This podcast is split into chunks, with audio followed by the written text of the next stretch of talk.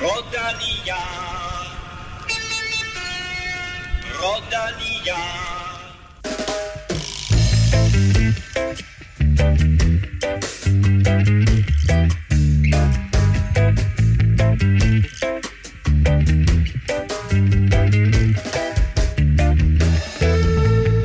Året er ved at gå på held, og vi kan naturligvis ikke gå ind i det danske Tour de France-år uden at afslutte et af de flotteste år for dansk cykling nogensinde. Derfor er vi efter en længere pause tilbage med den aller sidste udgave af Velropa Podcast i 2021, hvor vi naturligvis skal have uddelt årets awards. Så dermed velkommen til Velropa Podcasts Awardshow, og velkommen til mine to faste jurymedlemmer, Kim Plesner og Stefan Johus. Tak. Show simpelthen. Tak. Det er show. Det er et show, det her. uh, Stefan, hvad kommer du til at huske 2021 for sådan i cykelmæssig sammenhæng?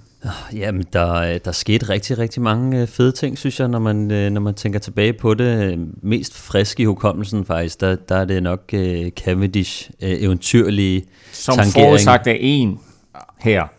Ja, Næsten, næsten forudsagt. Til dels forudsagt. Okay. Ja, Men øh, Cavendish var fed. Det var en fed historie. Ja, det var sådan meget øh, eventyrligt fra at have været helt nede og skrabe til at komme tilbage til det kørende quickstep og sådan noget. Den står ret klart. Selvfølgelig også øh, et flot VM i Flandern og, øh, og det her mudrede Paris øh, som også var spændende, mm. men hvis man sådan tager danskerbrillerne på, så er det selvfølgelig også øh, kan man sige, gennembruddet af, af Jonas Vingegaard med en anden plads i Tour de France, hvilket jo man glemmer lidt, synes jeg.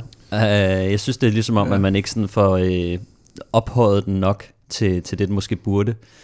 Uh, men så selvfølgelig også uh, Kasper Asgrens uh, sejr i, i Flandern rundt. Det er sådan... Uh, det, det, det var kæmpestort, og jeg synes også bare, når man kigger tilbage på, på året, der er gået, at, at man kan se, sådan, at Danmark, eller de danske ryttere, nu er der rigtig mange af dem, at vi kan nærmest være med i alle øh, cykelløb efterhånden. Øh, det var lige det der med Grand Tours, øh, men, men den dækker Vingegaard øh, alle tre næste år, tror jeg. Kim, øh, der kommer et lille cykelløb til Danmark i, uh, i, i, i 2022, men hvad glæder du ellers til til næste år? Ja, men jeg, jeg øh, kan ikke se så langt frem, så, så for mig er det altid det med forårsklassikerne. Når de begynder at komme de der, nu er der 100 dage til omløb, nu er der 100 dage til Gent Wevelgem og sådan noget, så tænker man, yes, nu er den ved at være der igen. Fordi, øh, ja, jeg synes, jeg synes forårssæsonen, altså når man ser forårssæsonen i forhold til efterårssæsonen, så er det forårssæsonen, det, det piker lidt for mig. Så det helt klart øh, klassikerne. Og også med, igen med de rytter, vi har. Øh, nu havde vi Askren, der vinder Flandern rundt. Men vi har jo faktisk en række andre klassikerryttere, som egentlig ikke rigtig toppede øh, sidste. Øh, Valgren topper først sent, Søren Krav er lidt ude af synk, Mads P. har lidt en lortesæson og vinder alligevel nogle løb. Så, øh, så, så jeg synes, vi, øh, det bliver der, tror jeg, det også danskermæssigt kommer til at spille. Der er rigtig mange ting at, at se frem til næste år, og øh, sådan set med danske briller, så kulminerer det jo nok med, med, med Tour de France, men der er jo altså, hvis vi bare sammenligner med i år, så var der jo et hav af danske sejre allerede tidligt på sæsonen, så lad os da bare sætte næsen op efter det igen. Øh, der er en kæmpe award, som bliver uddelt hvert år. Og det er den award, der går til alle jer, der støtter os på tier.dk. Fordi øh, uden jer, så var der ikke noget, der hed Velropa Podcast, og øh, derfor så har vi jo hver uge uddelt eller udtrukket en Velropa Cup blandt alle, der støtter. Og øh, det skal vi også have gjort i dag, Stefan. Jamen, det skal vi naturligvis. Altså, der er jo kommet friske forsyninger efter første batch af, af kopperne blev, øh, blev, blev øh, trukket væk, så, øh, så vi er klar med, med lidt flere, som, som forhåbentlig holder til, til næste år. Halvdelen blev destrueret i posten, indtil vi fik ordentlige postpakker til at få Ja, det er dem rigtigt. i. Det er rigtigt. Der, der, der, der knækkede et par, fordi at det, det var mig, der skulle pakke dem. så øh, jeg, har, jeg har lært lidt. Øh, det er noget med noget bobleplaster og noget, ikke? Så øh, ja. Og det er også muligt at, øh, at købe vores øh, Velropa kopper øh, fra næste år af, så øh, husk at tjekke shoppen, hvor du finder øh, diverse merchandise, og øh, jeg tror måske, hvis du er heldig, så kan du lige nå at have noget til øh, juleaften, hvis du står og mangler en ekstra lille gave. Mit navn er Claus Elming, og du lytter til Velropa Podcast, præsenteret i samarbejde med Odset fra Danske Spil. Vel Europa Podcast præsenteres i samarbejde med Odset fra Danske Licensspil. Husk, at man skal være minimum 18 år og spille med omtanke. Har du brug for hjælp til spilafhængighed, så kontakt Spillemyndighedens hjælpelinje Stop Spillet eller udluk dig via Rufus. Vi skal uddele et hav af priser i dag, og der er både internationale og danske awards. Og øh, ja, Kim, det er et show, Øhm, det blev Ja. lidt mindre. Øh, det blev lidt mindre show, end det, jeg havde forestillet mig. Øh, jeg havde jo faktisk øh, gjort klar til Royal Arena i dag med, Ja, det er rigtigt. Det med kan vi. 15.000 tilskuere. Det må vi give pengene men, tilbage. øh, det har vi jo desværre været nødt til at aflyse på grund af noget virushalløj. Men øh, det betyder ikke, at du skal snydes derude for priserne. Så derfor nu, så vil jeg nu bede den øh, skarpe jury om at komme med de nominerede, og ikke mindst selvfølgelig vinderne af de internationale priser. Og øh, traditionen tro, der åbner vi med årets sprinter. Må vi høre juryen, hvem er de nominerede? Skal jeg så de nomineret, eller? Så tager du vinderen. Det er Pascal Ackermann og Danny van Poppel, ikke? neck to neck. Nej, vi har øhm, Cavendish, Philipsen, Jim Melier, Nizzolo og Fabio Jacobsen. Ja. Synes jeg er dem, der sådan er, er nomineret. Og øh, med hver deres historie, kan man sige. Cavendish har vi lige nævnt øh, Philipsen og Melier på det her øh, Alpecin-hold, som jo vandt nogen flere sejre, end, end de fleste havde regnet med. Nizzolo, som fik det der, jeg kan ikke sige gennembrud, men han har ligget sådan lige under, og så nu kørte han lige lidt mm. Bedre i år, synes jeg, end han plejer. Og så Fabio Jacobsen er jo også den her historie med, at han kommer tilbage.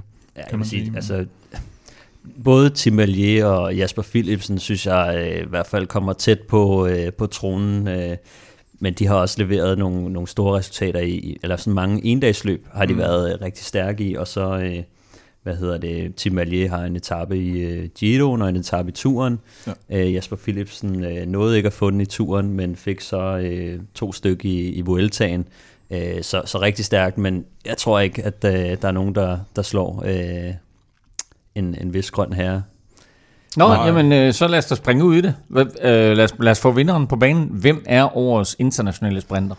Øh, jamen, jeg tror ikke, vi, kommer ikke udenom Mark Cavendish. Altså, de her fire øh, etappesejre i Tour de France og, øh, og en grøn trøje to go, det, er, øh, det, det bliver ikke meget større, så jeg tror, at selvom... Altså, jeg tror også, han har vundet 10 sejre i år, ikke? Øh, Der var et par stykker lige, øh, lige i Tyrkiet og Tyrkiet, et par stykker der omkring, så, og han vandt også Sparkassen øh, Münster her i, hvad hedder det, tyske endagsløb.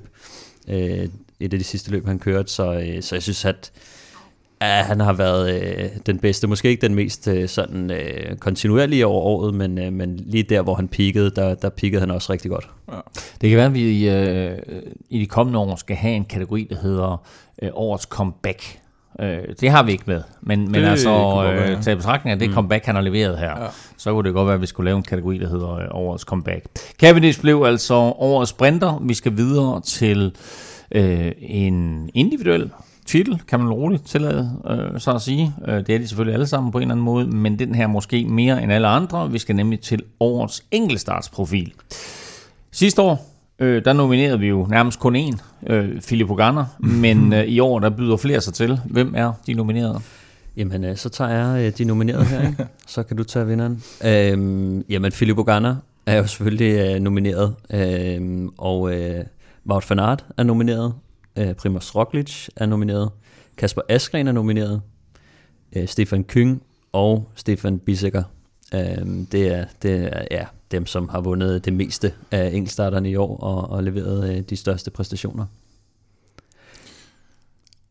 Og, Og, vi, øh, vi, er, vi knyt, I vil ikke knytte nogle enkelte ord på nogle af dem? Yes, altså, Van Aert er jo en, der, der skiller sig lidt ud, fordi han jo øh, øh, entrerer i ret mange discipliner.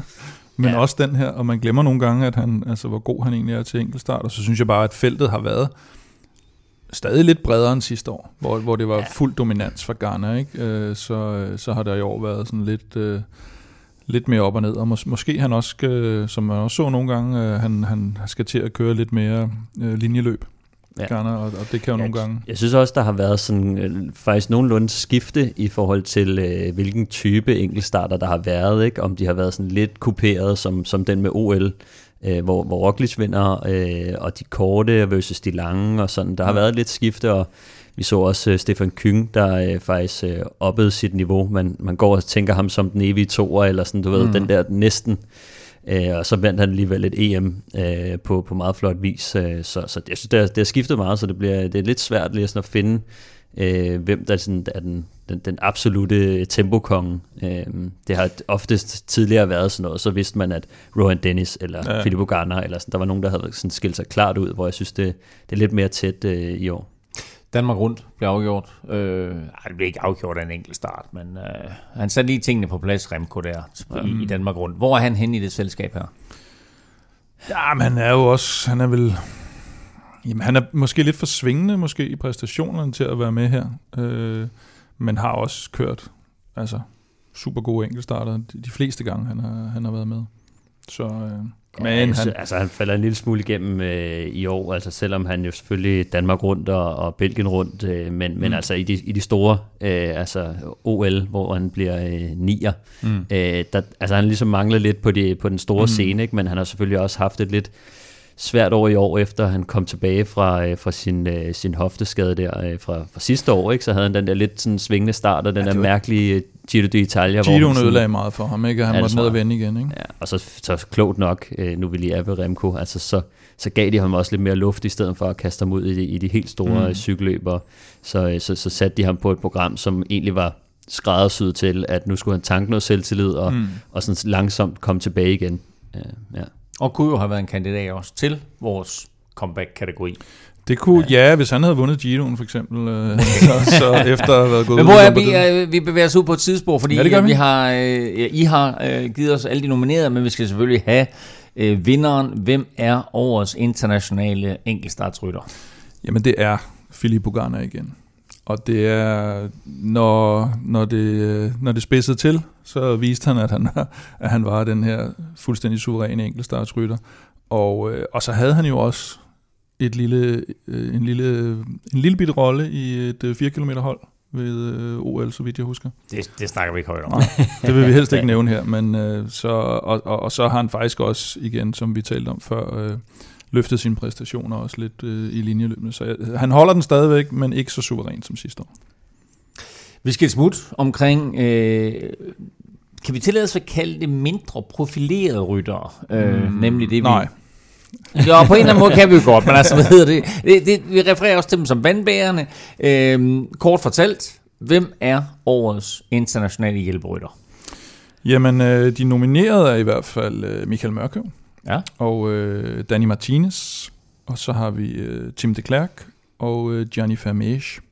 Når, når, jeg, når jeg hører de navne der, så tænker jeg, at der er forskel på den rolle, de udgør som hjælperytter. Mm. Meget, meget stor øh, forskel. Altså Mørke ja, og Danny Martinez er jo to vidt ja, forskellige måder. Jeg tror faktisk, det er også sådan, på en eller anden måde er øh, hver sin kategori nærmest ja. øh, af, af hjælperytter. Øh, hvor at Mørkøv, som er en mere lead-out-mand øh, de sidste par kilometer. Danny Martinez, øh, selvfølgelig i terræn, Grand Tours øh, etabløb. Tim de Klerk, som jo bare er den der motor, som oftest bliver brugt, i hvert fald når vi snakker klassikere og de her ting, så bliver han oftest brugt øh, i starten, men det er også bare en rolle, som fordi man ikke ser det så meget på tv, så tænker man ikke så meget over det, men når man mm. kører cykelløb, øh, så er det mega svært at kontrollere øh, de første hvad hedder det, altså kan sige, det er mange gange også Tim de Klerks skyld, at det er muligt at lave en, en masse spurt, fordi at han har været med til at kontrollere starten af cykelløbet, sådan så at de har været med til, at udbruddet ikke blev så svært at hente senere hen og så videre. Ikke? Så, det, det er en, en lidt anden kategori, som ikke bliver hyldet lige så meget, synes jeg. Øhm, og så Gianni Vermeers, som øh, har været der i, i tygt og tyndt for, øh, for Mathieu van der mm. Poel. Mm Øhm, det, det kræver altså også noget at, at, at være der, og, og mange gange sådan, kan man sige, bakke op omkring, at han ikke bliver øh, revet over i, i finalerne, i den, kan man sige, den tidlige finale, ikke? hvor han, han plejer sgu at klare sig rimelig godt selv, men, men der er også et, et hold bag ham, og Gianni Vermeers har været der øh, mange gange for ham. Ja, de er nomineret for der, netop nomineret for deres roller, ikke? Altså mm. Mørkøv for hans, øh, hans indflydelse på Cavendish comeback, som vi har nævnt. Danny Martinez øh, for, for mm. Banali Giroen, som var helt outstanding og, øh, og så som du nævner, Vermeers for, øh, for ja, Van der Poel. Det er sjovt med Vermeers, fordi han, der er også kommet et par historier ud om ham i løbet af året, at han er sådan ret hadet i, i feltet, ikke? fordi han, mm. øh, han, har gjort, han har gjort nogle lidt øh, ja, svinske øh, ting øh, indimellem og, og skabt nogle, nogle styrt og sådan noget, ikke? Men, men mange gange så de der skide irriterende rytter, de, øh, de, de, de er jo hadet af en grund nogle gange, ikke? Øh, det er fordi han også kan formå at at ødelægge de andre cykelløb på den ene eller den anden måde. Ikke? Øh, om han så er gået lidt over grænsen i nogle episoder, det kan godt være, men, øh, men ja, det, der, der er en grund til, at han, man, man kan være lidt hadet. Så er spørgsmålet jo, om det er nok til at vinde kategorien. Så øh, lad mig høre. Hvem er årets hjælperytter? Er det dig? Nej, det er ikke mig. No. Du får lov at vælge den. Ja, altså er jeg synes, den er ret svær, fordi mig og Kim har også diskuteret den lidt. Øhm, jeg, vil, jeg vil gå med, med Mørkøv, øhm, men det kan også godt være, at jeg er lidt farvet af, af af det at være dansker, og den hype, der har været om, omkring Mørkøv, men han er jo især i, i år, og, og faktisk også sidste år, blevet meget hyldet i, blandt andre rytter i feltet, øh, og gået så langt at sige, at hver, der, den hver, der sidder bag Mørkøv, altså den mm. sprinter, der sidder bag Mørkøv, det er ham, der vinder. Øh, så, så kan man sige, at historien er også kommet frem nu, at, sådan, at han er virkelig en dygtig hjælperytter, så og, og så kan man sige også det med, med Cavendish som, øh, som den bedste sprinter, og Mørkøv, der har været med til at, til at skabe det, så øh, ja, der, der vil jeg gå med den. Kim, øh, han, var, øh, han talte lidt en anden sag. Og hvem Nej, jeg var, jeg var meget i tvivl, og det var netop på grund af det her med, at det er to forskellige roller. Altså, hvordan definerer vi det? Er det årets bedste lead-out-rytter? Er det årets bedste sådan, altså netop vandbærer? Øh, og der, der vil jeg sige, hvis det, hvis det var mere over i vandbærer-kategorien, eller den der øh, opoffrende hjælperytter, så synes jeg, at Martinez præstation i Giroen lå mere op af det, hvor øh, Mørkøvs jo er sådan en... Det er lige før, at hjælperytter måske... Ja, det er både vildt rigtigt og vildt forkert, for det, det er så meget en egen rolle, han har. Altså, den er så vigtig, den, øh, øh, det der med at køre lead-out, ikke? At det, det, det, Skal vi det have delt kategorien op fremover? ja, det, det tror jeg måske næsten, man skal. Men så er der Altså, fordi en Chris Juhl og en Mørkøv er begge to i gås og Ja, en ja. hjælperytter, men det er virkelig to forskellige ryttertyper, Mm. ikke? Ja. Og hvad er bedst? Eller hvad er vigtigst? Men altså, og man kan sige, nu snakker vi jo kun Cavendish, altså øh, vi glemmer jo lidt, fordi der var så meget vi rak omkring Sam Bennett, at Sam Bennett jo vandt en masse cykelløb Mm. på, på hjulet af Mørkøv, ikke? Øh, og det gik så lidt i skud og mudder øh, med Sam Bennett. Jeg ved ikke engang, hvad er status på ham? Men han, Han skiftede jo, han skifter jo. ja, øh, ja det, det gad han ikke. Det, det møg der. det- øh, Det er lige før, der er sagsanlæg for, øh, for øh, sådan noget personlige øh, Ja. injurierende ting omkring øh, ham og Patrick Lefebvre, tror jeg. Ja, det var jo det der med op til, øh, bare lige for at, at lukke den kort af, øh, hvad hedder det, hans øh, lille knæskade, og, hans, øh, og så Ja. var øh, Lefebvre jo lidt, lidt sur på ham over det, og han så så går han lige pludselig ikke med til turen, og så var lidt tvivl omkring, at han ville nok gerne have kørt turen, og det var planen, men så fik han ikke lov til det alligevel og sådan noget. Så, Ja, så, og sådan noget, hvor man- siger, at han ikke er mentalt øh, parat og alt sådan noget, som, som måske Ja, ja, bare var også noget, Lefebvre lidt selv havde opfundet, fordi han godt ville have ham ud af holdet, måske. og så en lønforhandling op, en stor lønforhandling ja. opkoming, den Ja. Men det kan være, at han skal være lead-out-rytter for en anden rytter til næste år. Så kan det være, at han skal ligge og kæmpe med Michael Mørkøv om at være verdens bedste lead-out-rytter, når vi nu opfinder den kategori til, øh, til næste år. Årets hjælperytter blev altså Michael Mørkøv. Der har været mange spektakulære præstationer i år, men øh, hvilken rytter leverer den præstation, der bare overskygger alle de andre? Vi skal have de nomineret på banen til årets internationale præstation. Der var nogle stykker, må man sige. ja, det var der. Øh, altså Vingegaards anden plads i turen, det, øh, det var noget af en præstation, som jeg ikke havde set komme, og som ikke særlig mange havde set komme. Øh, I skyggen af ham glemmer vi helt, øh, eller glemmer mange sikkert, øh, Carusos anden plads i Giroen, som jo også var sådan lidt, øh, at hele holdet udgik nærmest, og så, øh, så, så tog han alligevel øh, og, og samlede det hele op ved at blive, blive toer. Øh, jeg husker også øh, Van der Poels øh, antrit i øh, Strade Bianche, hvor han, Mm. øh, hvor han vinder den. Hvor øh, Alaphilippe kommer til at ligne en lille, en lille Den der juniorrytter. vanvittige spurt op ja. Ad den sidste stigning på Og, klinkerne øh, der. Det var også noget af en præstation. Uh, Cavendish turrekord har vi været inde over. Støjvens uh, solohug i Milano Sanremo. Alaphilippe, der vinder dobbelt uh, VM. Van Aert, der vinder både Vangtu Ja, altså, ikke altså- altså, vinder V, han, han vinder VM for andet år. i træk, ja. Van Aert, der vinder uh, en Vangtu-etappe, en enkeltstartsetappe og en Champs-Élysées uh, sprinter-etappe i turen. Ja, det er Øh, også det, er, det, det er også, altså det, det er nærmest de tre mest øh, prestigefyldte etaper i hele turen, han så tager, og tre forskellige typer af etaper. Ikke? Og så Korts øh, tre etaper i Vueltaen, det var altså også noget, der blev lagt mærke til. Og så Colbrellis øh, Roubaix, mudder Roubaix, Ja, det var også lidt af en, øh, en basker, ikke? Og så skal vi selvfølgelig også have Asgrens Flandern med, hvor han, øh, hvor han lige napper Poel i spurten. Og det der, det var ikke bare de nominerede til årets præstation, det var også et resume af 2021, Ja, fordi det, viser store. jo, hvor helt igennem fantastisk et cykelår 2021 var med både internationale præstationer, som du riser op her, og danske sejre. Øh, og det der... Og Pogacar, han, han er ikke engang nævnt. Nej, det er ikke engang løgn.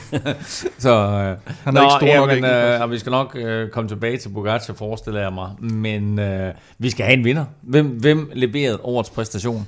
Øh, jamen altså, den er så svær, den her øh, kategori, øh, synes jeg, men, øh, men jeg tror, når, når alt kommer til alt, så, øh, så tror jeg, at øh, Wout van Aert faktisk øh, er den, der tager den. Netop, altså fordi han skiller sig ud på den måde, at han, han, han gjorde det ligesom øh, i Tour de France, og han gjorde det, altså han har præsteret i al, alle terræn, og det er, det er en kæmpe stor præstation at kunne gøre det. Øh, så, øh, Helt altså, det mærksagtigt. Altså ja, gøre sådan noget. Ja, det er, det, det er måske det mest vanvittige, vi kender. Altså hvis man er bjergrytter og vinder en bjergetap, så, øh, så er det selvfølgelig flot, men det er også det, du kan. Øh, Wout ja. van Aert, han, han gør det hele, og det synes vi er, er, er ret øh, exceptionelt. Jo, og ikke bare en sprint jo, men altså Champs-Élysées. Præcis. Altså, og den nej, eneste enkeltstart, der var i turen. Nej, der var to, men... Øh, Nå, var der det? Ja, men Nå, så, ja, Pogacar han vandt den anden, men... Øh, ja. ja. Og øh, det, det, det, jeg husker mest fra sprinten, ud over at Fanart han vinder, det er, at man øh, i, i baggrunden ser Cavendish slå ned i styret, og ja. han ikke øh, vandt øh, på Champs-Élysées og afsluttede det der fantastiske comeback, han havde i gang i, og også nappede sejr nummer 35. Ja. Nu ligger han på 34 og er, er tangeret med Eddie Max. Men øh, årets præstation på baggrund altså af en sejr øh, på, på enkeltstarten, på Mont Ventoux og så altså på Champs-Élysées, er øh, alt muligt manden Wout van Aert. Det var de første internationale priser. Vi har mange flere, men allerførst, der skal vi. Quiz, øh, og det er jo ikke bare en hvilken som helst quiz, det er simpelthen afgørelsen på 2021. Vi skal have fundet quizmesteren. Øh, og i år, der kommer der ikke nogen bagfra sådan lige og, og overhaler jer Nå, begge det er der to. Ikke. Du har ikke en eller anden, du lige har inviteret, nej, der nej, får 100 sidste, sidste år, der kom Kasper Nkagor, vores, øh, vores øh, turrute-korrespondent, der kommer han jo ind og, og fuldstændig blæste jer banen med, mm. på den sidste afgørende quiz. Nej, men så kan du huske, at uh, Mathias Hunebøl, han jo faktisk... Uh, efterfølgende nedlagt efterfølgende, protest. Ja. ja, det er. mener, han havde vundet. Han var den eneste med pluspoint sidste år. Alle andre havde minuspoint. øh, sådan går det ikke i år. Der er nemlig to mand med pluspoint. Øh, 33 til Stefan, 32 til Kim inden den sidste og afgørende runde i quizzen. Og øh, der er helt op til 5 point på Fuh, spil ja. i dag. Oh, God. Det er sådan en lynquiz igen. og, og, øh, og øh, jamen altså, hvis, hvis Kim han får en mere end dig, Stefan, så ender det uafgjort, får han to mere, så vinder han. Og øh, får du uafgjort, jamen, altså, så vinder du samlet, og får du selvfølgelig flere end Kim, så vinder du også samlet. Altså, det, jeg tror, det, jeg tror, lytterne er mest spændt på, det er, hvorvidt der er fejl eller ej i quizzen. det tror jeg ikke, du Det har jo været et gennemgående tema for nej, 2021. Nej, det, det synes jeg faktisk er overdrevet, det der. Det er jeg ikke enig i. Det er jeg ikke enig i. Jeg synes, at der har været, en, øh, der har været visse udfordringer. Som, der har været øh, konsistens. Ja, det, det, nej. Der er i hvert fald ikke fejl i stillingen. Det står 33-32 til Stefan. Og øh, spørgsmålet er, øh, det går lidt på den danske succes, vi har haft i år. Øhm, fordi vi har selvfølgelig haft masser af sejre, men vi har også haft masser af rytter, som har gjort det godt og har været øh, konstant igennem hele sæsonen. Så jeg vil gerne have jer til at nævne de fem ryttere, der har fået flest top 10 placeringer i år. Der er et point for hvert navn, I kan, som er rigtigt. Åh oh, Gud. Ja. Hvem var det, der scorede sidst point? Det var Kim, ikke? Det var Kim, så, så. du har serveretten. Men, men det er sådan lidt, lidt, lidt lige meget, fordi det I gør, det er, I skriver det ned, og så tjekker jeg jeres svar, når vi kommer dertil. Er spørgsmålet forstået? Ja, det er det. Ja. Så har jeg kun én ting til jer to, og dig, der sidder og lytter med. Lad nu være med at google. Sonny Colbrelli, con Van der Poel che prova uscire. Eccola, la volata finale, con Sonny Colbrelli avanti, vai Sonny, Sonny Colbrelli, Sonny Colbrelli, ha vinto la Parigi-Roubaix, Sonny Colbrelli, la volata della vita, la volata della vita per Sonny Colbrelli. Torna all'Italia, torna all'Italia a vincere la Roubaix, torna all'Italia a vincere la Roubaix. Grandissimo Sonny Colbrelli. Sådan lyder det på italiensk tv, når Sonny Colbrelli vinder Paris-Roubaix. Og øh, nu er spørgsmålet så, om han vinder en pris, fordi øh, vi skal videre med de internationale priser her i Velropa Podcasts store awardshow, og vi lægger ud med de unge ryttere. Øh, generationsskiftet i cykelsporten er jo kommet braven ind her i de seneste par år, og øh, de unge rytter har jo nærmest overtaget scenen. Men hvem fik sit store gennembrud i år? Her er de nominerede Ja, Kim, og til man, man kan sige... store gennembrud. Ja, lige præcis. Men nu siger du selvfølgelig unge rytter, men, øh, men man kan jo selvfølgelig godt få et gennembrud, selvom man... Det er rigtigt. En, Det kan man altså, Bjarne selvfølgelig Ries fik ja. jo et øh, relativt sent gennembrud, som jeg husker. Men øh, de nominerede er... Jeg tror faktisk, vi også skal diskutere, hvem der er, der vinder den her live. Mm. fordi den er, det er også en af de svære. Men de nominerede, det er Jonas Vingegaard, ham har vi været inde på. Så er det øh, Nelson Paulus, som jo vandt uh, San Sebastian, som, og som i det hele taget kørte sig et niveau op. Og så god gamle Sonny Colbrelli, øh, Gino Mater, som vi, øh, som vi så ved flere lejligheder. Blandt andet, hvor han ikke vandt, og en, hvor han vandt. Øh, som nogen måske husker. Øh, han, fik jo, øh, han fik jo taget en sejr fra sig af, af Roglic, øh, der blev debatteret meget, øh, og fik, fik revanche senere hen. Og Christian Eiking, som jo lige pludselig kom i føretrøjen i, øh, i Vueltaen. Hvem havde set det? I, I rigtig mange i, dage, i noget, dage, ja. otte dage eller et eller andet i den stil. Og øh, Tom Pitcock, synes jeg måske godt, vi kan tage med, selvom måske havde nogen forventet et større gennembrud, men han fik i hvert fald et gennembrud på, Mm. mm. på, øh, på linjeløbs- eller landevejsdelen. Og vandt jo også en øh, OL-guldmedalje, ikke? Øh, ikke... Øh, Vandt han ikke, mountainbike? ikke, Jo, men ikke, ikke på landevej eller linjeløb. Nå, nej, nej, nej, nej, nej, nej, men altså, jeg siger bare lige sådan, altså, man kan, man kan lige tage den med, ikke? Altså, når, når, når, når vi kigger på hans år som sådan. Hans sejr, eller hans sejr, skråstreg ikke sejr i Amstel Gold Race i Målfotogate, var ja, vel der, for han kom Ja, ja. tættest på en stor sejr i hvert fald. Nå, jamen, øh, jeg kan høre, at I to, I har øh, diskussioner, I vil Ja. indgå i, øh, hvem skal være, eller hvem skal øh, kåres til årets store gennembrud? Altså jeg vil sige, jeg synes, den stod meget lige mellem, øh, mellem Vingegaard og Colbrelli, men når jeg hører det her tv-klip fra, fra Paris-Roubaix, og man husker tilbage på den der mudder, øh, så er det måske i virkeligheden... Altså det er også det der med Vingegaard, som vi talte om i starten. Måske er den gået lidt under radaren, og, og det talte vi allerede om dengang, at, at folk var slet ikke op at ringe, som, som, øh, som dengang Ries blev træer i turen i, i sin tid, og sådan noget, hvor det jo var helt sensationelt. Det, er jo også, det var det også her, men måske var han for langt fra at tage sejren alligevel. Og, og, og sejrene er jo det, man mange gange tæller. Og en anden plads er en vanvittig stor præstation, men det er stadigvæk en sejr. Jeg kan huske, at jeg lavede på et tidspunkt til et øh, cykelmagasin øh, med Rolf Sørensen, Rolf Sørensens 10 bedste præstationer, selvfølgelig. Altså, hvor han selv skulle rate dem. Og der sad han jo også og, snak- og taler om den her øh, OL-sølvmedalje. Og han siger, det er jo ikke rigtigt, altså, er det en stor præstation? Så siger jeg, ja, det er sat med en stor præstation. Men jamen, det er jo ikke en sejr. Altså, det er sådan, så den vidste han ikke rigtigt, hvor han skulle gøre af, fordi, også fordi han har så mange sejre. Ikke? Så, så der er jo det her med, med om, om en anden plads er en stor præstation, eller om det er den første taber af, af de andre. Ikke? Mm. Så, så på den måde øh, tror jeg, jeg har fået talt mig varm til, at jeg egentlig mener, mener Colbrelli. Hvad siger du, Stefan? Jamen, jeg synes, øh, jeg synes Vingegaard, jeg tror også måske, en af de grunde til, at, at man måske sådan i Tour de France sammenhæng nedprioriterer den lidt, eller måske ikke var lige så hype omkring det, var, jeg synes, at, at øh, Jumbo og Ineos slår ret meget fejl. Øh, Mm. på den måde, at selvfølgelig Vingegaard og, og hvad hedder han, øhm, Carapaz, Mm. øhm, selvfølgelig gjorde det godt, og Podia og sådan noget, men, men de, altså som hold, som storhold, der, øh, der slog de ret meget fejl. Også når man tænker på, hvor mange profiler de har på deres hold, så burde de have været øh, mere deroppe, ikke? Altså, kan vi, da vi snakker om Tour de France, øh, inden sæsonen startede, så var det jo, Mm. hold da kæft, altså der er jo fire, der kan køre på podiet her, ikke? og så Mm. ender de med, at, at, sådan, at det bliver Carapaz og Vingegaard, der sådan...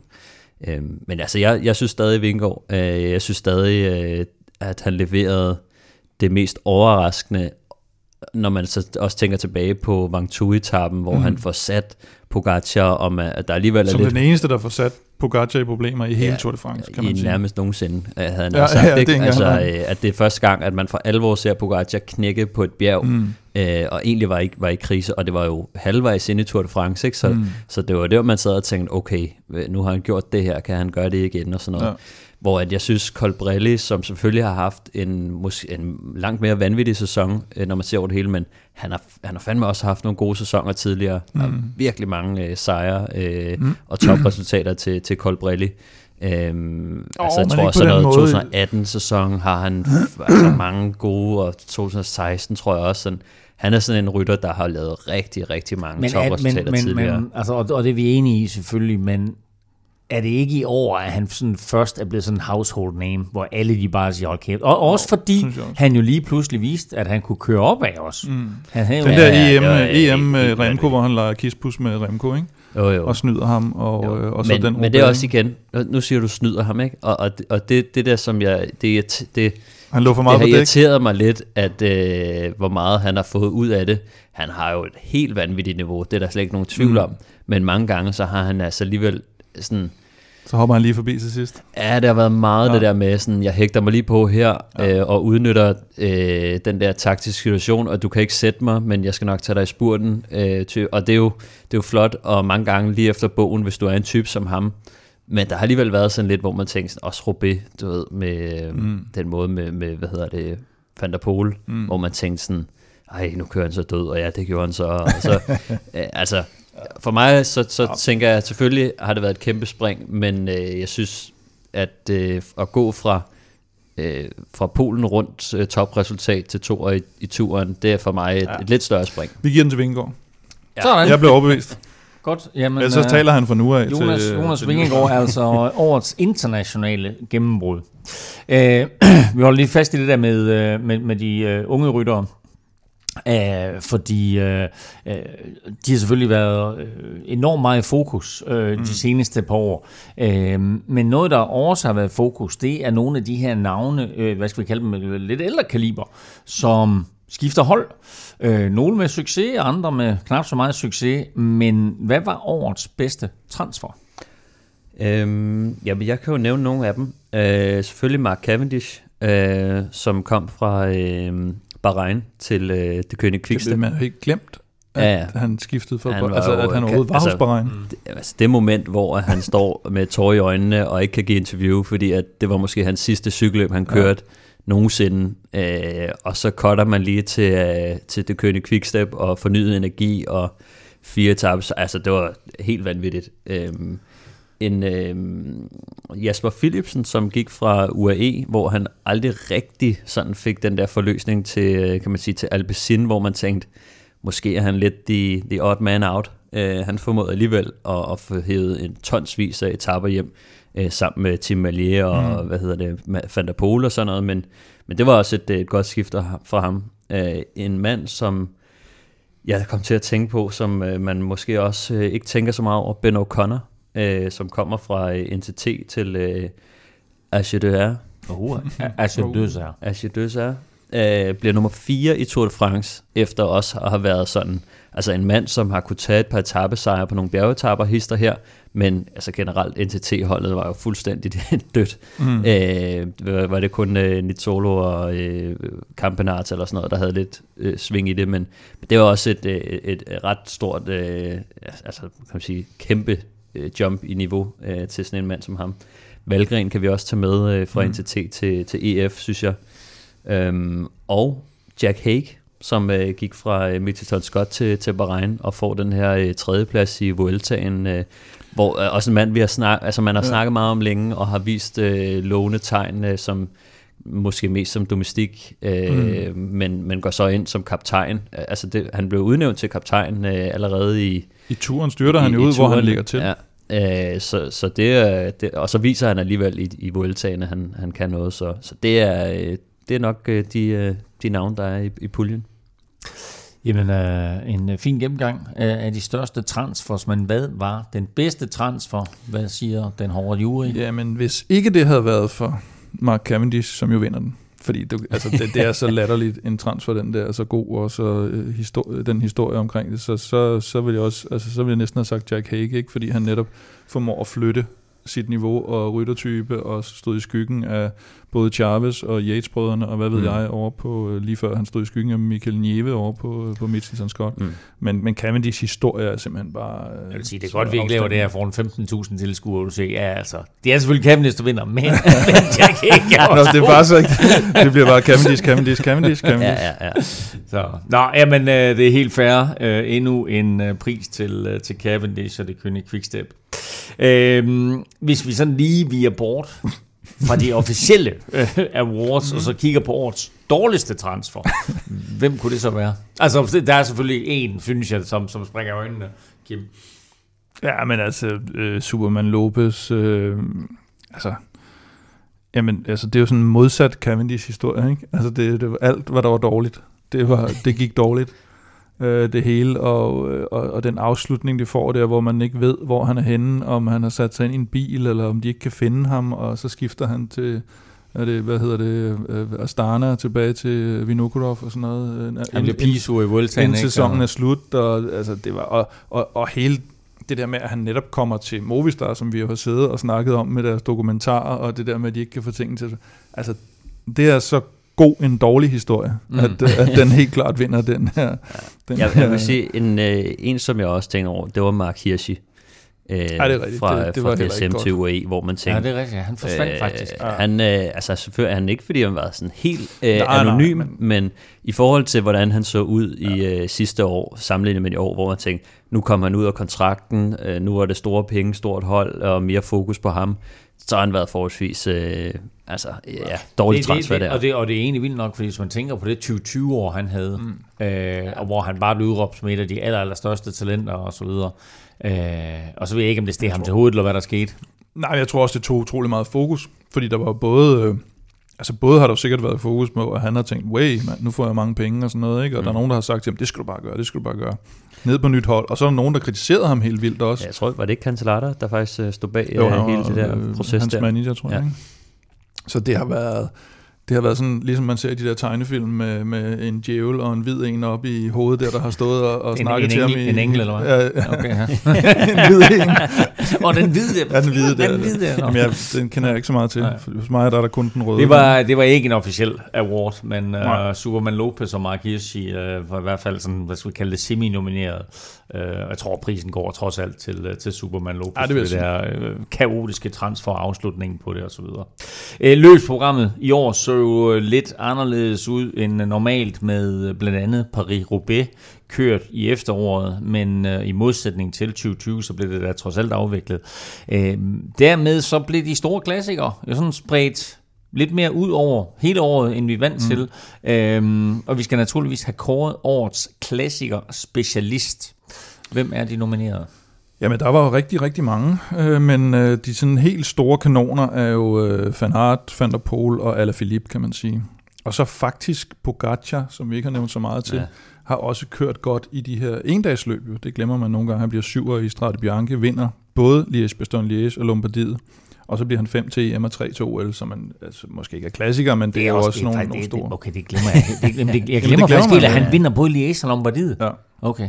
Men altså Van Aert, der er jo Jamen, han har jo simpelthen altså fire strate, tre Milano Sanremo, 11 i E3, vinder Gent Wevelgem, 6 i Flandern, vinder Amstel Gold Race i gåsøjne, og 7 i Paris-Roubaix, 11 ved VM, 2 ved OL.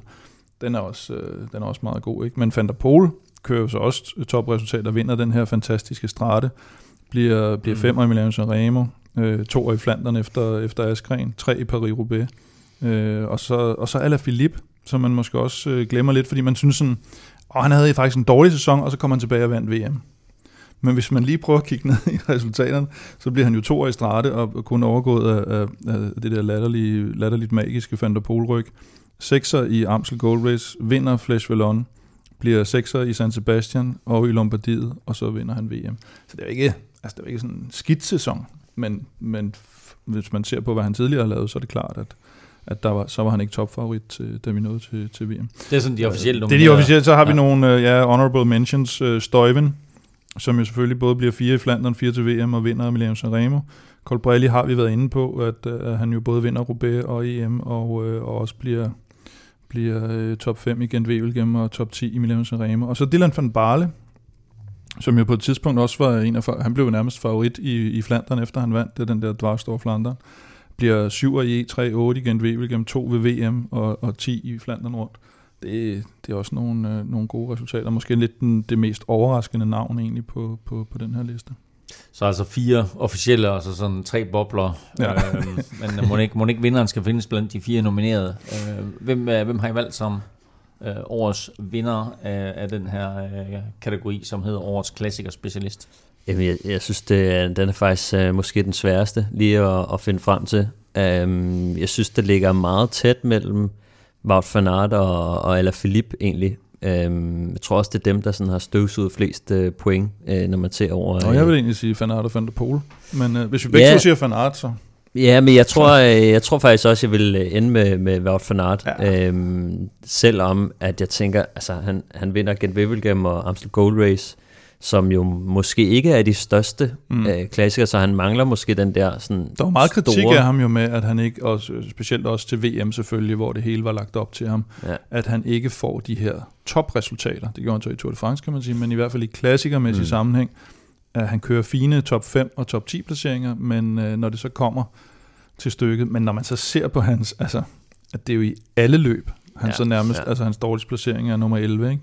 Øh, så, så, øh, så for den kon- kontinuitet, han har i sine resultater, der, der skal han næsten vinde den. Ja, jeg vil sige, altså han har været skræmmende øh, vild, altså, øh, men, men jeg synes også, måske der, dem der har været allermest, der har brændt ud i, i nogle få løb, altså øh, Alaphilippe til VM, øh, og, og Van der Pol i, i, i Strate, øh, men altså det, det ligger så tæt, at det, det kunne øh, sådan vidderligt have, men jeg tror bare, Wout van Aert Mm. edger den bare lige akkurat øh, for mig. Og når du siger brændt ud, så mener du... Ja, brændt ud på en god måde. brændt altså, igennem. brændt, sådan, Brændt brændt igennem, igennem, hedder det. Ja. Øh, der, der, der, synes jeg, øh, hvad hedder det, Van der Pol og Philippe havde nogle momenter, hvor man tænkte, hold da fest. Men øh, når man så ser over hele linjen, så øh, har Wout van Aert bare lige været der øh, lidt flere gange. Øh, det er måske der. Ja. Øh, ja. Så øh, Wout van Aert, Vi går med det er årets klassiker, specialist, øh, anden pris til ham i Og det, årets og det vilde er jo, at Askren er ikke engang nomineret, selvom han vinder både E3 og Flandern rundt. Jamen, det er også pinligt. Men det, det, det Nej, er han så kan ikke engang blive bobler. Hvad er der? Nå. Nå, sidst men ikke mindst, der skal vi have kåret den bedste af de bedste. Hvem markerede sig stærkest i 2021? Kort sagt, hvem er årets internationale rytter? Jamen, øh, altså, Man burde faktisk nærmest kun nominere en, men øh, ja. vi, har, vi har nomineret nogen. blandt de nominerede er øh, Wout van Aert, selvfølgelig. Øh, Van der Pol er nomineret. Vi har lige været lidt igennem det. Også Alaphilippe er, er nomineret. Og så har vi øh, Grand Tour, kongerne for i år. Øh, Roglic fra Vueltaen, Bernal fra Giroen, og til sidst, men ikke mindst, Pogacar. Ja. Øhm, og øh, ja, som, som vi allerede har været lidt inde på, så har han været her, der og alle vejen, øh, og været rimelig meget på pletten hver eneste gang, han har stillet op i både endagsløb og øh, i, i Tour de France. Øh, så øh, Ja, så vinder, vinder Tour de France øh, fuldstændig suverænt, og vinder ja. derudover to monumenter. Det er ikke hvert år, det sker. Og vinder Nej. verdensranglisten fuldstændig suverænt også. Ja, og det er vildt, at vi øh, altså synes, det, for hvis man bare ser sådan måske to år tilbage, så, øh, så så man bare Roglic som den der uslåelige konge, og, øh, Mm. og nu øh, allerede nu, altså man kunne ikke se det for sig, hvordan han skulle slås. Ja, og så inden kom, enkeltstarten i så turen kom, for, øh, ja, ja, netop. Jeg ved ikke han engang, det, ikke? det hele det ændrede sig der. Det var ikke? den dag, 2020, hvor, at, ja. øh, hvor at det hele bare vendte, og så øh, blev det Pogacar, der var, øh, der var den mand, der skulle slås. Ikke? Men til gengæld er han jo også ved at være lidt oppe i årene. Han fyldte jo 23 dage i september. så han har nok ikke, så- han har ikke så meget Han igen. kommer ikke til at vinde ret mange af dem Nej, der. det er ikke så. Så, nå, jamen altså, øh, årets internationale rytter er altså Tadej Pogacar. sådan. Det var alle de internationale priser, som øh, vi skulle uddele her i Velropas stort anlagte awardshow. Øh, nu her, der skal vi til gengæld have uddelt noget helt andet. Vi skal nemlig naturligvis have fundet vinderen af en kop, og øh, det er jo altså den sidste kop, vi uddeler her i 2021, men øh, det fortsætter naturligvis igen til øh, næste år. Vil du deltage i lodtrækningen, så er det nemt at være med. Du kan nemlig støtte os på tier.dk. Beløbet er valgfrit, og du donerer hver gang vi udgiver en ny podcast. Og når du så donerer, ja, så deltager du altså løbende i lodtrækningen om, om en kop, og øh, også andre fede præmier sådan i løbet af sæsonen. Stefan, Hmm. den sidste vinder i år, hvem er det? Den sidste vinder. Jamen, vi er faktisk øh, vil jeg også sige, at vi er nået til et punkt, hvor at, øh, jeg har mistet overblik over, hvem der tidligere har vundet. Okay. Øh, så øh, så nu, nu er vi derude, hvor at, øh, jeg tror faktisk, det er, det er muligt at vinde øh, igen. øh, jeg tror... Ej, det, det, har, jo- Statistisk er det jo svært. det er lidt, det kan være svært. Øh, Ja. Der er selvfølgelig nogen, som, øh, som har et par lodder i puljen, men jeg tror, måske er det sket en gang, at der er en, der har vundet to ting. Og jeg kan ikke huske, om den her person også har vundet det, men vi er i hvert fald derude, hvor at, øh, ja, der, nu, nu, skal vi, nu kan vi komme rundt. Du har mistet overblikket. Jeg har mistet overblikket. Der tænker jeg, det skal du lige bruge off-season på, på lige at lave Ja, en ja. liste, ikke? Ja, jeg prøver lige at Så, lade. men altså, altså, det er jo tilfældig lodtrækning, så selvom man har vundet, kan man sagtens vinde igen jo. Ja, men det er jo netop det, jeg tror, at jeg ved ikke, om det her er den første, eller om det, er- det er det. Jeg, jeg kan ikke huske, om... Men du om, synes, navnet virker bekendt, eller hvorfor er det, du sidder og... Ja, det virker måske og- lidt bekendt, ja. ja. og, men det er måske også fordi, at øh, den her, det er en af de allerførste støtter, faktisk. Wow, øh, så fedt. det, det varmer også mit hjerte lidt. Mm. Øh, Frederik Lindahl Sådan. er vinderen, øh, Ja. og har simpelthen været med ombord. Jeg tror, han er nummer den 18. første. Øh, så øh, så wow. vi, vi skal way back til øh, sådan noget øh, marts 19, tror jeg. eller sådan noget. 89. Marts.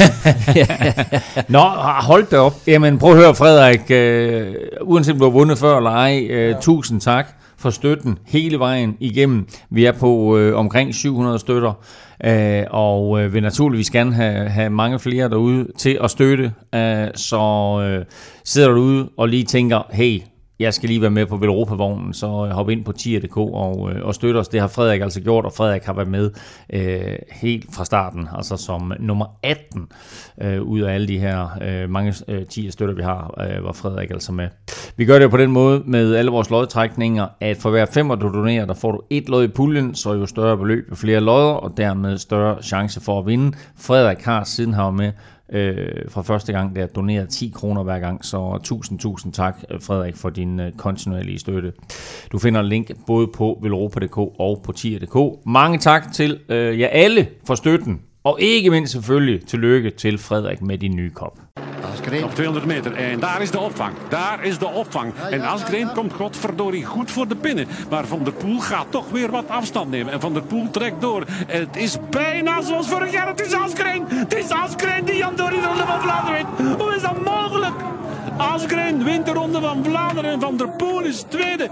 Kon niet meer mislopen. Asgreen wint de Ronde van Vlaanderen. Vi har uddelt de internationale priser, og nu skal vi også have uddelt de danske priser. 2021 var et helt vildt år for dansk cykelsport med masser af sejre hos både mænd og kvinder, og for den sags skyld både udendørs og indendørs.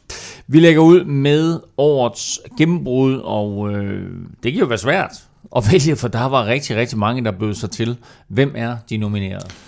Altså man kan sige, man skal i hvert fald være, hvis man har lyttet til øh, den øh, nuværende del af udsendelsen, så skal den man, første halvdel. den første halvdel af udsendelsen, så ved man, at det kan være svært at vinde den her kategori, i det at øh, vinderen af det internationale gennembrud, han også er nomineret her, nemlig Jonas Vingegaard. Så Mikkel Honoré, Mats Wirtz, Andreas Kron og Emma Norsgaard skal, skal alligevel steppe lidt op i... Hvis de skal have en chance. Men så lad, lad os gennemgå dem. Hvad, Lad os- hvad, lad hvad er os- sådan deres kriterier for at være nomineret? altså Mikkel Honoré leverede jo bare på et enormt højt niveau, nærmest hver gang han stillede op, og mange gange, eller flere gange, kørte han ikke engang sin egen chance.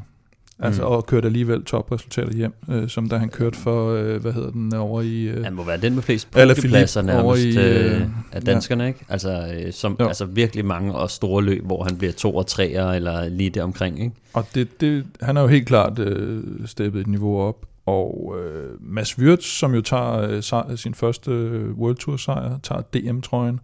Det må man sige. Andreas Kron, der tager sin, øh, sin første World Tour sejr, og så Emma Norsgaard, der lige pludselig bare blev... Altså først blev hun så toer 800 gange, og så begyndte mm. Hun også at vinde. Ikke? Øh, så, øh, så det er helt klart i hvert fald nogle rytter, som... Øh, altså der, der var selvfølgelig en del danskere, der, der, der, der lagde på i 2021, mm. men det her var måske de mest markante. Ja, Jeg vil sige, måske, måske det største jump i, øh, i, i evner, det vil jeg nok sige, er Emma Norsgaard. Den måde, mm. hun sådan går fra at være en, en okay øh, rytter til at være en verdensklasse rytter hen over en vinter.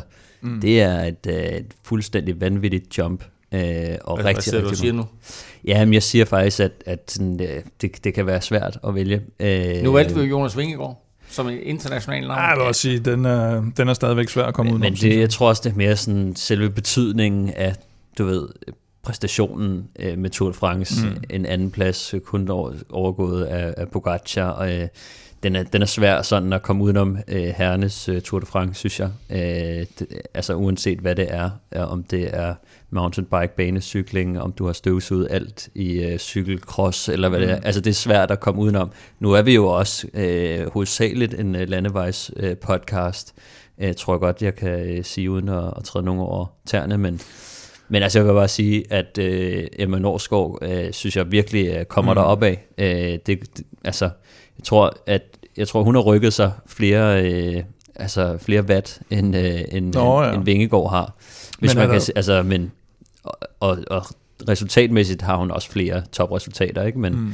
det er bare den der skide andenplads i Tour de France. Den er bare, øh, den er bare svær at komme ud af. Selvom jeg synes, at øh, altså det, det gør det måske en lille smule mere kedeligt, at vi går på de samme navne, Cavendish ja, og Vingård. Men, men jeg kan godt lide, at vores ekspert ude i kvindecykling øh, er så dedikeret ja, meget omkring sit engagement ja, for Emmanuel. Jeg, jeg sidder også og tænker på, om der ikke kan være nogen ja. lytter, der, der, der sidder under sig lidt over, at, at en Kasper Askren, som jo tager sit niveau op til lige pludselig at være Flandern rundt vinder, i forhold Men der, der er det jo nok det her med, at han var så god en rytter i forvejen. Ja. Han var jo nærmest øh, i forvejen en af favoritterne til både Flandern rundt og Paris-Roubaix. Øh, har haft en god sæson og har fået det her monument. Øh, men, men det er klart, hvis han var kommet sådan lidt med, hvis det nu var Mikkel Honoré, der lige pludselig havde vundet Flandern, så var, det, mm. så var det en anden sag. Så det er jo egentlig lidt en, en gave til Asger, ja, ja, ja. han ikke er nomineret i den her. Og jeg synes egentlig, så tror jeg også, selvom Honoré, han virkelig også på en eller anden måde op sit niveau, så, så tror jeg ikke sådan, at at der er sket et kæmpe spring. Jeg tror bare, at de der, den der sidste procent, der gør, at man sådan er en god hjælperytter til sådan lige akkurat at, at være med i, øh, i den absolute top. Altså der er, sådan, der er ikke så meget forskel øh, nogle gange. Altså det er bare sådan, at han var virkelig god i forvejen, og var virkelig, øh, mm. hvad hedder det, præsteret godt i alle cykelløb, han stiller op. Det har han gjort i mange år faktisk. Øh, nu er han bare lige det bedre til, at han faktisk skal køre topresultaterne, og holdet begynder at tro lidt mere på ham. Mm. Øh, ja. Men uh, I blev enige, Vingegaard it I blev enige med selv om, at uh, årets danske gennembrud er Jonas Vingegaard. Yes. Vi skal videre til uh, den her ensomme pris, nemlig årets danske enkeltstartsrytter. Uh, vi har jo vist enorm styrke uh, i år på enkeltstarten, uh, og har ved flere lejligheder haft både fire og fem mand med i top 10. Men uh, hvem var den bedste danske enkeltstartsrytter i 2021? Hvem er de nominerede? Øh, jamen, der har vi øh, Kasper Askren, vi har Mikkel Bjerg, vi har Jonas Vingegaard og Magnus Kort, hvor de to sidste tænker man sådan lidt enkeltstartsryttere. ja vel. Men øh, de kørte jo nogle, øh, nogle vanvittige resultater lige pludselig hjem i, i enkeltstart, som heller ikke, heller ikke var deres discipliner. Øh, hvor, hvor man kan sige, at Kasper Askren og Mikkel Bjerg kommer jo lidt mere ud af at være enkeltstartsrytter og er blevet øh, hvad skal man sige, linjeløbsrytter. Så, øh, så det, er, det er den nominerede flok, og ja. den var ikke så svær, synes jeg. Det var den ikke. Øhm, det Ingen var den ikke.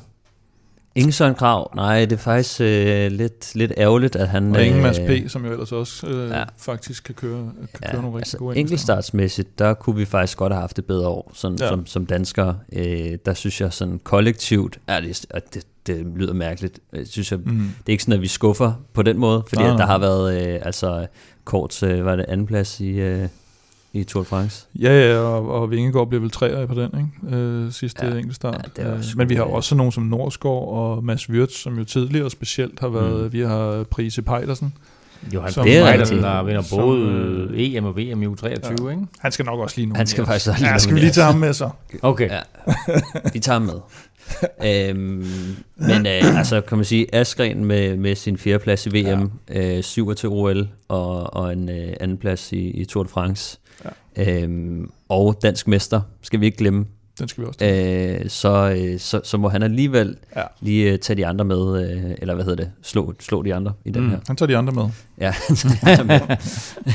Så uh, I, uh, I er enige om, at, uh, at årets danske enkeltstartsrytter, det er Kasper Eskren? Ja, det er vi helt enige om. Ja.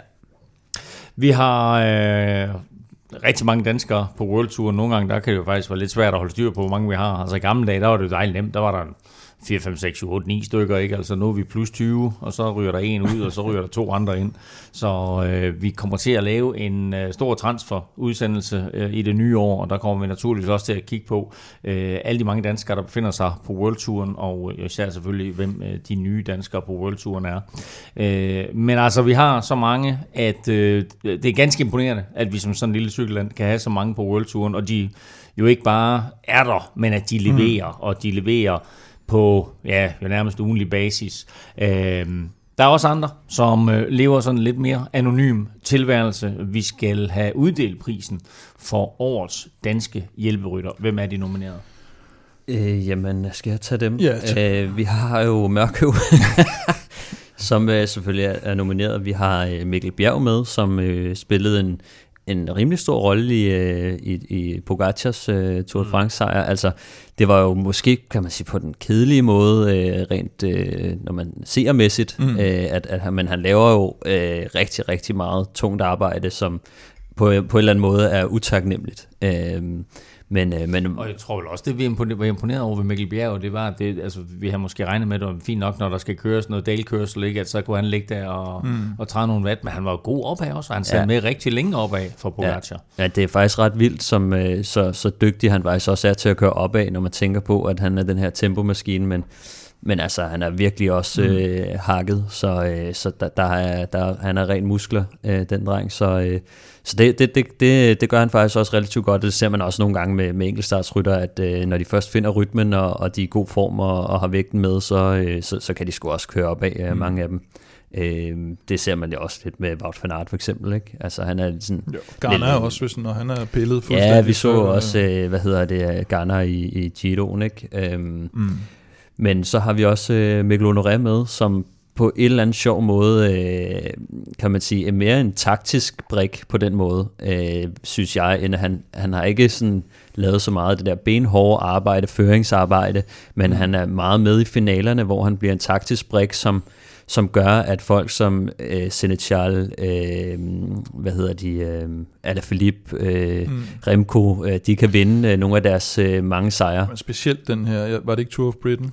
Øh, hvor øh, Wout van Aert og hvem var det, Ethan Hader og, og Alaphilippe mm. lå og kæmpede, eller hvem var det, der lå og kæmpede der, hvor han jo ja. kører en, en topplacering, men, men hvor han kører for Alaphilippe. Ja. Og hvad kunne han have gjort, hvis ikke han skulle ja, have netop det? det. Altså, jeg tror, en femmer samler, gjorde han ikke det? Godt være. I det løb. Og, øh, men, men altså, det synes jeg også er, er, er virkelig øh, flot stykke arbejde, men, men altså, selvfølgelig offrer han sig, men, øh, men det er også mange gange, øh, fordi han er så dygtig, at han kan sidde øh, og være en, en brik, som gør, at de kan rykke på skift, og, og på den måde øh, kan man også, altså synes jeg, han har været den mindst profilerede rytter øh, i gruppen, og mm. den, der måske ikke har stukket først, øh, men, men tillod øh, de andre at shine lidt mere. Og bliver jo faktisk også spillet ud i et, øh, tør man næsten nævne, DM, man bliver jo spillet ud i et uh, uh, taktisk... Uh, der skal vi lige håbe på, spørgsmål om... Ja, ja, Holm, men der er jo ikke så meget hjælperytter. Nå nej, men det er jo mere det, at han bliver jo, de havde jo Askren og Mørkøv, som jo var de to, hvad skal man sige, forhåndsfavoritter for, for, for de König, ja. ikke? og som skulle køre på deres måde, så derfor er det jo en slags taktisk ja. udspil, han bliver lagt ud i der. Men er så god, mm. at Brian Holm jo, som alle, der har fulgt med i alle disse vælger og, ja, ja. og støtte, at han skal og være det, deroppe. Ikke? Det, jeg synes, det er et modigt kald, ikke? og, og med, med, med al den ballade, der har været med kvikstoprytterne omkring, at uh, de, de virkelig føler sig mandsopdækket, mm. uh, og, og, og, og se, altså alle kigger ligesom på kvikstoprytterne, uh, så, så er det sådan en manøvre, som man engang imellem bliver nødt til at gøre, og sige, mm. jamen uh, vi skulle gå over hele paletten, så uh, hvis I sidder og kigger rigtig meget på dem her, så stikker vi bare afsted med nogle andre, og så øh, kan man sige. Om ikke andet, så er de sendt et signal om, at de skulle villige til at risikere mm. lidt, øh, og det bliver man jo nogle gange nødt til. Der var en, jeg tænkte, Mads Wirtz havde jeg faktisk troet ville gå ind i den her kategori, mm. øh, men Sepp van Marke har jo ikke sådan været der så meget, Ej, som det, han ham, kunne have været. Ham, øh, ham skulle og han ikke... Øh... Da jeg så øh, Vuelta Burgos, øh, mm. hvor han, øh, han kørte så stærkt i øh, udbruddet, at Sepp von Marke han blev mm. sat. Mm. Øh, der tænkte jeg, der, der røg den, øh, der røg den øh, hjælperytter-rolle, så, ja. så den tror jeg faktisk, han er vokset lidt ud af, men jeg havde nok egentlig forventet, at at han ville være øh, med som, som en form for hjælp, fordi det var jo tanken, mm. øh, også fra ham selv, tror jeg, at han gerne ville hjælpe øh, Sepp Marke med, med topresultaterne.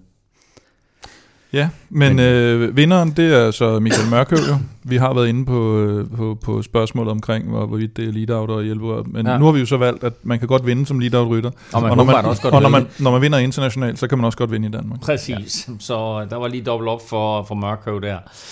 Øh, vi skal til øh, årets danske sprinter, som er den næste kategori, og øh, det er måske et af de facetter i cykelsporten, hvor vi i hvert fald på herresiden ikke var helt skarpe i 2021. Vi har ikke så mange, der blander sig i de der helt store massespurter, men øh, lad mig høre, hvem I har af nomineret. Vi har jo øh, Magnus Kort, selvom øh, han har skåret gevaldigt ned på, øh, på indsatserne i, i massespurterne, men så var der lige øh, en, en Vuelta også, hvor han begyndte at blande sig en lille smule mm. i det igen. Øh, vi har en Mads P., som jo, hvad skal man sige, 2020 kørte sig helt op blandt de, de store og bliver, bliver toer på Champs-Élysées, men som måske ikke rigtig kunne, øh, kunne, kunne øh, eller hans sæson var jo simpelthen bare øh, øh, hæmmet i, Mm. mm. i 2021. Og så har vi jo Emma Norsgaard, som vi har talt om, der, ja. øh, der virkelig tog et skridt op og fik enormt mange podieplaceringer. Ja, det, det er jo helt vanvittigt. Så øh, Stefan, som øh, kvinde, cykelsports øh, aficionado, Ja, så går vi Mads Peder. Ej, jeg vil sige, øh, jeg havde nok forventet, at øh, Mads Pedersen ville, øh, ville være øh, den mand. Altså nu, nu øh, ja. Vinder han jo øh, Kyrne, øh, som var en, en utrolig flot spurt, øh, meget spændende spurt. Mm. Øh, men også et mærkeligt løb, og den der måde, ja, han vandt det på, ja. var lidt underlig. Øh, men han misser, han slår jo lidt fejl i, Tour de France, og det er der jo mange årsager til. Mm. Øh, men, men det var nok den mand, jeg havde troet ville øh, løbe med prisen. Øh, og Magnus Kort, øh, for at tage ham, øh, vinder selvfølgelig sine etapper i, i øh, eller med mange cykelløb, mm. men øh, det er jo primært de her lidt hårde afslutninger. Jeg husker specielt... Øh, oh, Paris-Nice, eller Paris hvad med Nice var jo øh, vanvittig øh, hård etape, Ja. øh, hvor at øh, Roglic jo øh, styrter og bliver sat, og nærmest en, en klassementsdag, hvor, øh, hvor at, øh, han vinder, så er der den her øh, nærmest også en bjergeafslutning i Route de Occitanie, hvor han jo Mm.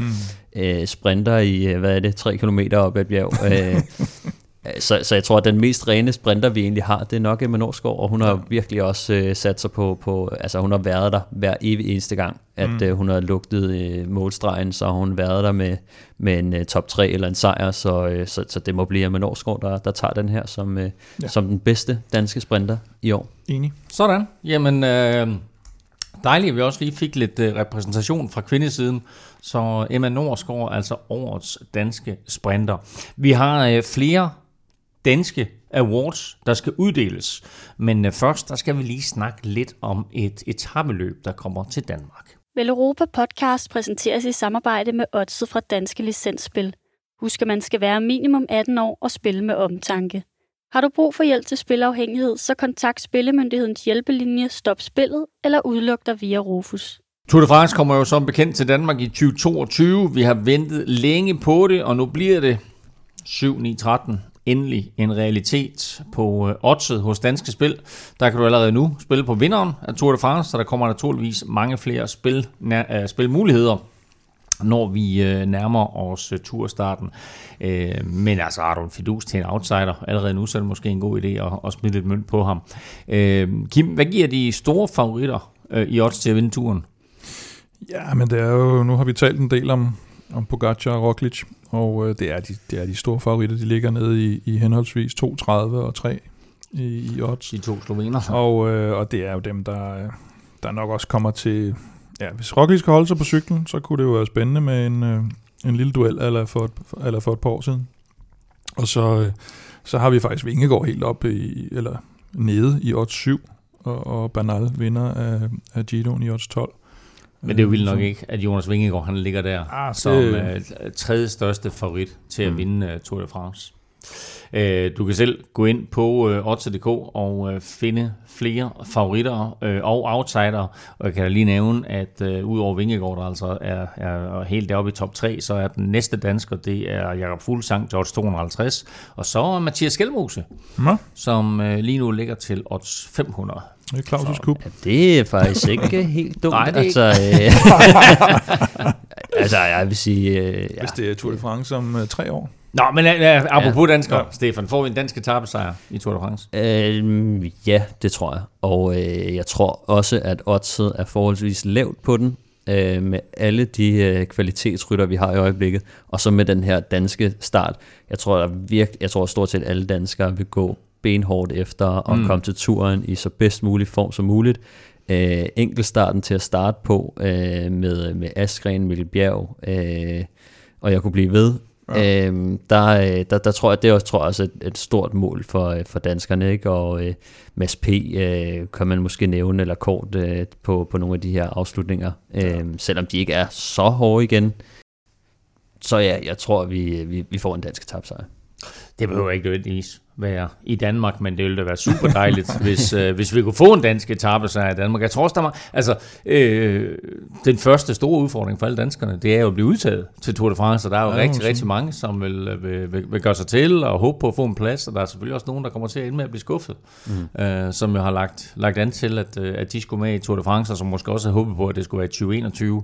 Så der er nogen, som øh, har nyt fordel af, at, øh, at øh, det første er i 2022, og der er måske nogen, som, øh, som kommer til at blive lidt snydt af, at, øh, at turstarten i København altså er der den 1. juli i, øh, i 2022. Der er enkelt start, og vi har et par rigtig dygtige ryttere, som faktisk kunne vinde øh, den der enkelt start der i, øh, i, i København. Men øh, hop ind på odds.dk og øh, se de forskellige spilmuligheder, der er på Tour de France øh, lige nu, og der kommer altså flere til løbende. Can Vengegaard crack him? He's looking. He's going to get rid of Pogacar. Jonas Vengegaard has cracked Tadej Pogacar on the climb of the Mont Ventoux. He looks around. The white jersey is getting rid of the yellow jersey. Lydklippet her har vi jo faktisk talt om lidt uh, tidligere. Det var naturligvis, da Jonas Vingegaard han satte Tadej Pogacar op af Mont Ventoux.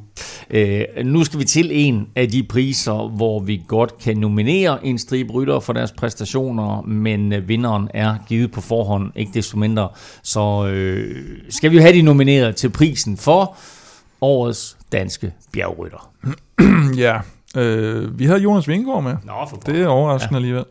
Så har vi øh, taget Mathias Skelmose, ja. som jeg synes har vist nogle tegn. Vi har Fuglsang, som øh, vel stadigvæk lidt kan gå i den kategori. Vi har Cecilie Utrup, ja. og så har vi jo Anton Bjerg. Eller bum, bum. Anton Charmi, som ja. han hed. og som var ved at, at køre sig ind i vores allesammen, allesammens hjerter. Var det nede i Tyrkiet? Ja, det hvor var i hvert fald det, han startede. Hvor ikke? han uh, lavede et godt angreb, og så var der desværre 500 meter, eller det var der vel ikke engang, men uh, det gik det bare så lang. voldsomt meget op af, at, uh, at, at selv få meter, det var, det var for, for, for hårdt lagt ud. Uh, så der er en til fremtiden der i hvert fald, men uh, Stefan, jeg tænker, jeg tænker du, du, du hurtigt kan afsløre vinderen af den her. Ja, altså øh, Jonas Vinko er, er den bedste, og det har jeg jo sagt, jeg sagde det i Vueltaen det er rigtigt. år. Det er rigtigt. Nej, hvad er det? Vi er, det er et år siden ja. til Vueltaen, lidt mere end et år siden, da han kørte Vueltaen, der siger, han er vores bedste bjergrytter. Mm. Øh, og sådan er det. Og øh, det var lidt, det var et, øh, et modigt kald dengang, men det er det ikke længere. okay, okay. Jamen. Der er lidt selvforherligelse med her. Ja, i, det er der. Shot, shot og, øh, ja. og de nominerede i selvforherligelse er mm. Stefan Juhus. Nå, prøv at der var ikke så meget tvivl om den her års danske bjergrytter, er naturligvis øh, Jonas Vingegaard. Øh, Altså 2022 er umiddelbart det mest succesfulde år for, øh, for, for dansk cykling øh, i foråret. Eller 21 måske. Hvad siger du? 21 måske, tænker jeg. Hvad sagde jeg? 2022? Ja, 2021 selvfølgelig. Der er, altså, ellers så er jeg lidt forudseende, ikke? Ligesom oh, Stefan også var det, ikke? Mm-hmm. Så, øh, nå. Godt øhm, altså, prøv hvis vi tænker tilbage på foråret. Altså nogle gange så gik der jo kun sådan få dage mellem danske sejre. Vi var der, var mindst, hvis, der, der, var mindst, ja. jamen, vi blev faktisk lidt skuffet. Ikke? Hvis ikke der var en sejr om ugen, så der var, var mindst en sejr om ugen, ikke? og så var der lige pludselig en uge, hvor der ikke var nogen. Der var vi jo sådan helt skuffet og tænkte, nu kan vi da ikke lave en podcast. Ja. Men, uh, men det, det gik trods alt alligevel. Men uh, hvilken sejr var den største? Kort fortalt, vi skal have kåret, eller vi skal have nomineret ryttere til årets danske sejr. Hvem har I? Øh, jamen, øh, lad os starte med øh, Mads Wirtz øh, som jo øh, tog en øh, etapsejr i Tirreno Adriatico, som jeg synes var, øh, var, var virkelig flot og mm. et stort øh, gennembrud for ham. Øh, han tog selvfølgelig også øh, DM, men det, det er lidt en anden sag. Altså jeg tror måske har den betydet mere for ham, men, øh, men på en eller anden måde konkurrencemæssigt synes jeg, øh, Tirreno på en eller anden måde øh, Må, må, må ikke de betyder to forskellige ting Jo, for ham? Altså, jo, jo, det, jo, er- jo. det er vigtigt for ham at køre i Danmarks Ja, trøje, men ja. det er også vigtigt for ham at få hul på bylden jo, øh, Ja. på World Tour status, ikke? Jo, øh, helt klart. Ja, det er svært at sammenligne de to ting. Øhm, så er der øh, Andreas Kron, som jo på, øh, på vanvittigt flot vis vandt øh, første etape i Katalonien øh, rundt. Øh, senere vandt han jo også en etape i Schweiz rundt, så øh, måske også svært at øh, adskille de to ting. Jeg tror måske Katalonien øh, var, var den større, fordi det var første etape, og det var hans første World Tour sejr. Øhm, men, men følger den også rigtig flot op. Øh, så er der hele Valgrens øh, Italien-trip, øh, de to øh, sejre dernede. Øhm, så har vi øh, Kort. Øh, det er sådan igen lidt svært at vælge. Den der, hvor han er ved at blive hentet til sidst, er, er det Roglic, Ja, Roglic, mener jeg. ja. ikke? Ja, ja, Den, øh, den, den tror jeg i hvert fald selv, han måske synes var den den sværeste. der udbrudsdag, øh, Ja. dag, hvor han ender, hvor alle havde spurgt ham til ikke at holde til stregen, Ja. ja. og øh, så klarede han det alligevel. Det, Og er- han, det er ligger også den 8, han ligger flotteste. 8 meter foran de andre i en kilometer, Ja. og ender med at vinde. det var helt vanvittigt, ja. øhm, så har vi også øh, Mørkøv og Nordmand med for, øh, for to øh, store guldmedaljer på, på banen i, i parløb. Mm. Øh, VM og, øh, og OL selvfølgelig. Øh, måske er OL den større medalje, eller det er det. Mm, ja. Øhm, så, så, så den står også ret stærkt. Og så øh, Kasper Asgrens øh, Flandern rundt øh, til at lukke den af med.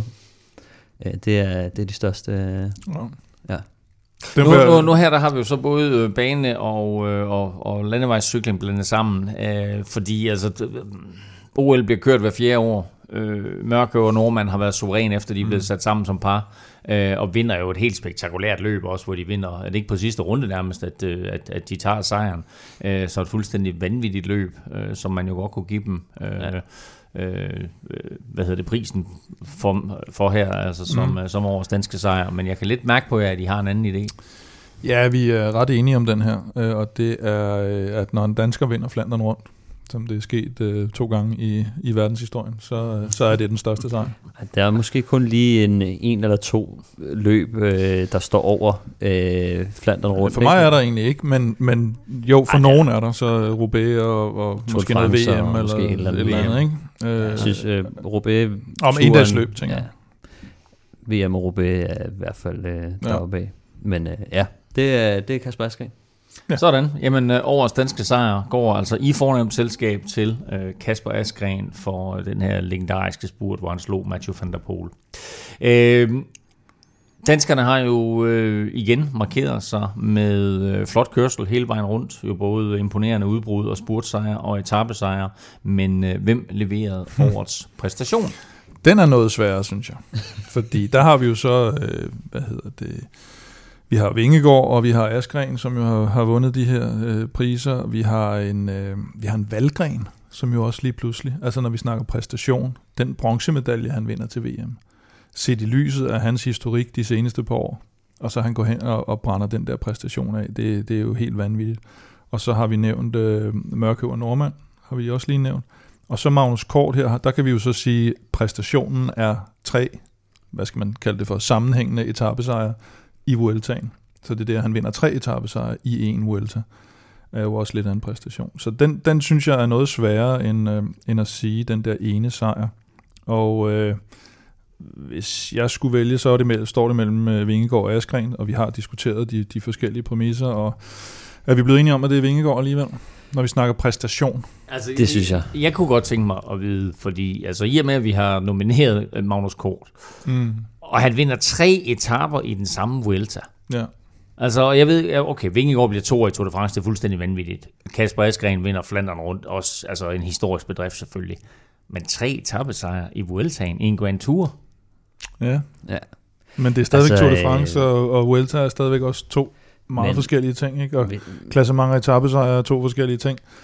Hvis vi Så, så, også lige ja. skal tænke tilbage på, på Jonas Vingegaards, øh, altså han har øh, Mont Ventoux-etappen, hvor han står ud som den bedste bjergrytter øh, i, i, altså, øh, på den dag. Ikke? Øh, han tager ikke noget tid på den, men så bliver han også øh, toer på Col de Porte-etappen og Lyser de den etappen, overgået af Pogacar. Men Udover det, og det som der gør, at man bliver meget mere sådan, øh, spændt på Jonas Vingegaard som rytter, det er, han bliver også nummer tre to gange på enkeltstarterne. Mm. Øh, og hele det der enkeltstartsgame øh, har man ikke troet, han havde i sig.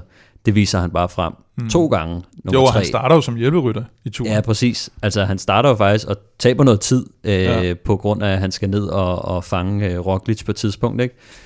Øh, at han alligevel øh, altså så stærkt og komplet en rytter pludselig, han, han står frem som, hvor vi kun troede, han var en god bjergrytter, mm. og ville miste øh, tid på enkeltstarten, så står man jo og tænker, jamen han er jo faktisk lige op i nærheden af Pogacar mm. og øh, Roglic mm. som enkeltstartsrytter, Jo, så ikke? det, det, er jo, det er jo det resultatmæssige, det er det præstationsmæssige, Ja. det er det overraskende. Ja. Altså det er alle tre ting. Der får du øh, hele pakken. det er kinderægget. Det er ikke? kinderægget. Mm.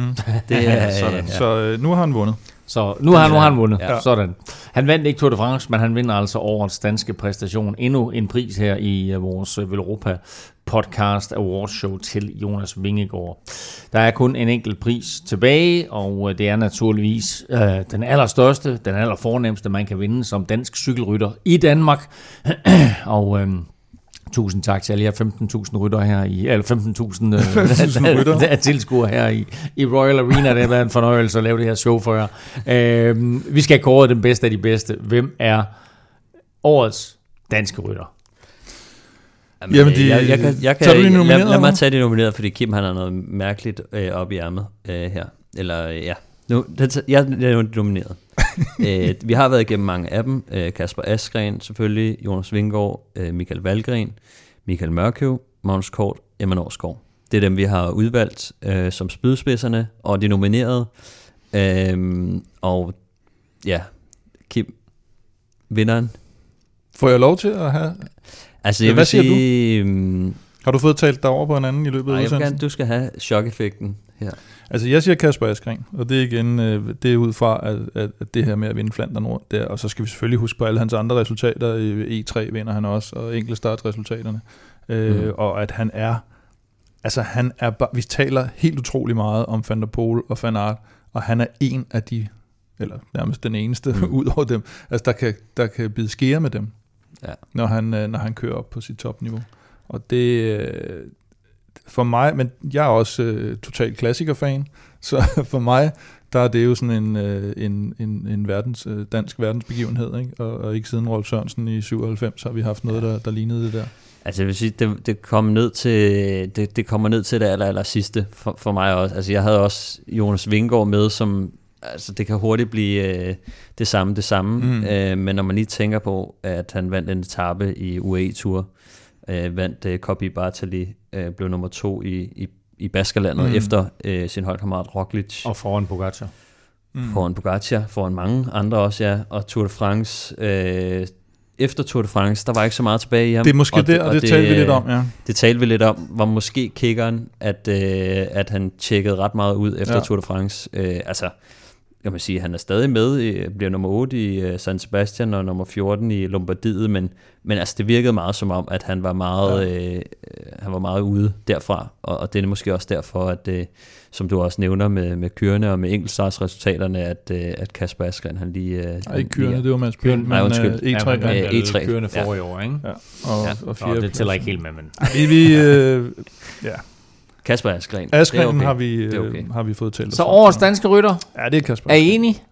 Ja. Juryen, juryen er blevet enige? Ja. Jeg vil også fordi, vi, jeg synes, vi har slået fast nu, at Kasper Askren, han er en verdens, altså han er helt oppe i toppen af verdenseliten. Vingegaard kan næste år vise, at det er han også. Altså mm. der skal han følge op på den her. Mm. Var det bare sådan en, ja, eller, eller, var det, eller er han kommet for at blive, ikke? Skal han ud og udfordre nu? Hvad så? Skal han til at stå i skyggen af Roglic igen, eller hvad? Mm. Så øh, Askren ved vi ligesom, han er etableret nu, ja, det, helt det op er på niveau, ikke? Det, det, det har du ret i, og jeg tror også, at øh, hele det der game med, øh, hvor Jonas Vingegaard ender ud som ja. altså, rollemæssigt på holdet, øh, det bliver enormt spændende at, at se. Altså, hvad får Mm. mm. han egentlig lov til? Øh, han vil sikkert gerne køre turen selvfølgelig, som, som toer og starter i Danmark. Men øh, hvis Roglic også øh, kigger lidt på den, som han selvfølgelig nok gør, Mm. så, øh, så bliver det meget spændende at se, hvad, øh, hvad det ender med. Og til gengæld, så kan man sige, at om fem år eller fem-ti år, så kan vi selvfølgelig sidde her og, se, og, og se tilbage på, at Vingegaard så fik en, en større karriere end Askren. Fordi jeg tror, han har større muligheder for at blive, altså hvis du lige pludselig vinder turen en eller to gange, mm. eller sådan noget, eller etablerer dig som den her store turrytter, så får han formentlig en større karriere samlet set end, end Kasper Askren, tror jeg. Og så fik du lige forlænget podcasten med en 5-10 år. Så er det det, ikke? Så er det, det, det, det, det, det, så er det, det- det, det, det er godt lavet, det der, års Så er det en aftale. Og tak til alle der støtter partier.dk. uh, årets danske rytter er vores uh, sidste awards, og den gik altså til Kasper Askren. Vi har én pris mere, der skal uddeles, og det er... Naturligvis den største af dem alle, nemlig quizvinderprisen anno 2021. Det står 33-32 til Stefan. Jeg bad jer om at komme med fem navne. Der er et point for hvert rigtigt navn, I har på jeres lister. Jeg har tjekket de to lister, og øh, jeg kan sige så meget, at vi får en vinder i quizzen. Det ender ikke uafgjort. Øh, spørgsmålet var, Okay. spørgsmålet var, hvem er de fem ryttere, hvem er de fem ryttere, der har haft flest top 10 placeringer, altså danske ryttere, der har haft flest top 10 placeringer i 2021? Og vi er enige om, at det er etapper og enkelt eller endagsløb. Præcis. Ja, godt. Godt.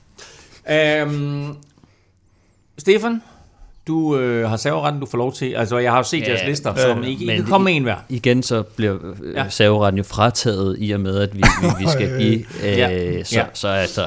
Ja, men du får lov til at komme med et svar. Jeg håber godt nok, du tager over, jeg nu har allerede øh, Jeg starter med, med Honoré. Ja. Øh, han har kørt øh, en god sæson, og vi har mm. snakket om alle de her øh, gode resultater, han har haft øh, gennem hele sæsonen nærmest. Så, så han har en, en del top 10 i hvert fald. Det er rigtigt. Han er faktisk nummer 5 på listen. Ja, Kun Så. nummer 5. Han er kun nummer 5. ja. Jeg har øh, honoré. Du har også? Ja, du har også honoré. Det er Ja. korrekt. Okay. Så der får I en enkelt pind hver. Ja, Kim, skal du skyde? Kim, så får du lov. så skyder jeg på Jonas Vingegaard. Det er også fuldstændig korrekt. Han er nummer 2 på listen med 19 sejre. Så Mikkel Sejre? Honoré... Sejre? Ah, Nej, top 10 top 10, placeringer. top 10 Eller top 10. placeringer. Top 10 placeringer, undskyld. Øh. Mikkel Honoré havde 17, øh, Jonas Vingegaard havde 19. Okay. Jeg har også øh, Jonas Vingegaard. Der var også Ja. Jonas Vingegaard derovre. Ja, ja, ja. Ja, tak. Stefan, den næste. Øhm, det næste, der skal vi ud i øhm, Emma Norsgaard. Emma Norsgaard er fuldstændig korrekt. Hun er klart den dansker med flest top 10 placeringer i år. Jonas Vingegaard havde 19 på anden pladsen. Har du, har du ikke hende? Jo, jeg har, men så tror jeg, du har... Emma Norsgaard har 29. Shit, man. 29. Klart den dansker med flest top 10 placeringer i år. Så 29, og øh, dermed så står det altså nu øh, 3-3. Så jeg skal have de to sidste, og du skal have 0. Hvad er sandsynligheden for det? Jeg tror, jeg har begge to. Jeg tror, der er fuld så. plade her. Kim, tror jeg desværre også. Øh, jeg tager øh, Mads P. Mads P. Ja. Øh, har du ham, Stefan? Nej, jeg byttede ham ud. Øh, jeg, Mads P. jeg, jeg, jeg havde ham på min bobler, Ja. men øh, han røg ud. Mads P. er fuldstændig korrekt. Så der er et øh, point til Kim. Er det rigtigt? Mads P. har 18, så han ligger, Og det bliver ikke udgjort. Jesus og, Christ, øh, mand. han ligger mellem. Nå. Han ligger mellem øh, øh, Jonas Hvem havde du så? og øh, Mikkel? Honoré. Og så øh, den sidste, Stefan. Nå, Nej, Stefan jeg, har har, to. jeg har to. Jeg mangler to. Nå ja, hvem er Øh, jeg har ikke Mads P., men jeg Nej. har øh, Magnus Kort. Magnus Kort har 14 sejre. Sejre. Nej, jeg bliver ved med at sige sejre, undskyld. Han har 14 top 10 placeringer. Ja, så øh, han er ikke i top 5. Så øh, hvem er din sidste? Så er min sidste, Cecilie Utrup. Cecilie Utrup Ludvig. Og Kim? Jeg har Kasper Askren. Godt. En af dem er rigtig. Hvad, det står, den ellers står den lige, ikke? Det står helt lige nu. Gud ja, så så det er det, uafgjort, ja, ja, ja. eller, eller, det, står, eller sejr? det, det står helt lige nu. Ja, jeg tror, det er utrup, fordi at Ikke? kvinder... Kim fører en enkelt, hun øh, Kim fører med en 29. enkelt pind i, i dagens regnskab. Øh, det står helt lige øh, 36-36. Ej, det er Den, der har vinderen, den, der har det rigtige svar her, vinder det årets er vinder quiz. årets quiz. Godt. Jeg kan sige så meget, at der er fem top 10 placeringer i forskel på de to. Nå. Den, der har 18, og dermed er i top 5, det er Kasper Askren, Cecilie Utrup Lud. Vi har kun 13 top 10 placeringer. Og dermed, Er det rigtigt? dermed, så er vinderen af årets quiz, Kim Plesner, der er på Nej, mål. det kan jo ikke være. Kim, Han har kun vundet med en. Han vinder med to. Han vinder 5-3. Du har kort og ud. Han havde alle fem. Kim havde alle fem. Du havde kun tre. Der kører han lige, Så, øh, der kører han lige den gamle. Så kører au, han lige til au, sidst. au, au. Den jo. Nej, det Så er ikke syv- rigtigt. 37, 37, 36 ender Ej, årets quiz. Og vi har aftalt, vi har aftalt, at taberen skulle smutte ind til Chili Claus. ja, det er Så øh, jeg ringer til min gode gamle ven, Ja. og beder ham at tage superstjernen Stefan Djurhus med. En Ghost uh, Reaper Så- eller Ja, andet. præcis. Jeg havde, jeg havde kort som første, første Nå, reserve. en fuldstændig vanvittig Ja, afslutning må på man Jeg quizzen. spænder jo ben for mig selv her, fordi jeg skifter jo Mads P. ud med Cecilie Utrup i, i, i 11. rigtigt? time. Ja. Så bliver Ja, den uafgjort ellers. Men du indkaldte dommerassistance for at Ja, vise, at du gjorde det. Jamen det var fordi, jeg, var så, jeg spurgte, om jeg måtte Ja, ja, skifte ud her, og så... Øh, Og da du så siger hun, det kan vi jo godt afsløre for, for lytterne, så tænker jeg, fuck mand, Cecilie Utrup, fordi jeg tænker, øh, Norskov har garanteret virkelig mange, og så Ja. ja. kvinderne er der større chance for, at de har de her top 10 resultater. Ja, fordi lad os nu lige... Jeg, synes, jeg, synes, jeg, Skal synes, han er, jeg, jeg synes, han er lidt for hurtig til at udråbe vinder. Jeg tror, at... Øh, jeg tænker, at den skal lige... Skal lige igennem. Godt. Jeg gennemgår dem fra toppen. Emma Norsgaard, 29 sejre. Jonas Vingegaard, 19 sejre. Stadigvæk ikke sejr, vel? Oh, for pokker. sejre i top 10. Ja. Emma Norsgaard, flest top 10 placeringer med 29. Jonas Vingegaard 19. Mads P. og Kasper Askren begge 18. Og Mikkel Honoré 17. Det var de fem rigtige svar. Altså, Det- nu, jeg, jeg, jeg tæller bare lige lynhurtigt. Ja. 18 til Cecilie Utrup. Men så tager du sådan noget samlet med, eller? Nej, det er uden samlet. Men det vil, altså, det, det nu, den, der, der, der, skal vi lige, der skal vi lige have en gentælling. Men Åh, jeg ved ikke, om vi skal gøre det live, eller om vi bare skal så sende med- den ud, og så skal jeg lægge en protest. Øh, Men 50'er i så dommervognen, jeg lægger 50'er, 50'er, og det er euro, og en åbenbart. 50'er, Det er og euros. så, øh, så tjekker vi den af. Har du euros?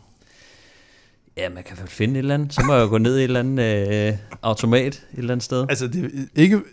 Jeg har jo Prøv, sådan set vundet, men hvis, det skulle ikke hvis der er fejl i quizzen, så er det jo simpelthen den ultimative afslutning på det her år. Ja, det må være meget sigende for podcast, 21. ikke? Så indtil videre, Ja. ikke? der er der smidt en 50'er ja. i øh, dommervognen, der er nedlagt protest. Øh, ellers så er det øh, Kim lige nu, som øh, Men problemet er vel for Stefan, at, øh, at så ryger der en ud for Stefan, som... Altså hans... Nej, så ryger der selvfølgelig en af dem, han ikke har ja, ud. Nej, det ved jeg ikke.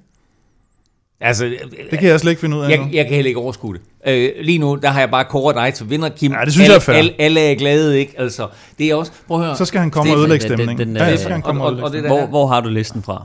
Har du selv lavet den? Ja, Wikipedia. Altså, ja, nej, dog ikke Wikipedia, men uh, godt. Prøv at høre, øh, det fede af det hele det er, at det her det slutter fuldstændig kaotisk, og øh, vi, vi, forventer, vi forventer, at det er Kim, der har vundet quizzen. Vi ved det faktisk ikke helt, men øh, lad os bare sige det indtil videre, og så må vi jo, så må vi jo lave en fintælling øh, og komme op med, øh, med det helt korrekte resultat, når vi er tilbage efter nytår, fordi naturligvis vender vel Europa podcast tilbage, og øh, jeg kan love jer, Jeg, jeg er at fanget i sådan et eller andet Truman. Sidste år, der var et det Kasper- øh, og sidste år var det Kasper øh, Anker quizshow Gaard, der altså. Det skal ikke lykkes. Høre, vi glæder os præcis lige så meget til 2022, som I gør, og øh, så kommer vi naturligvis i den allerførste episode med øh, den endelige afgørelse på, øh, på quizzen. Så kan det være, at vi må kalde en ekstern dommer ind eller et eller andet.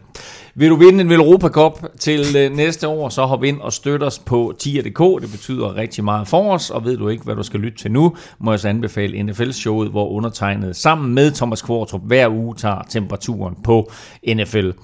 Indtil vi høres ved, der kan du følge Kim og Velropa på Twitter. Det sker på snablag Velropa. Stefan finder du på snablag Stefan Djurhus.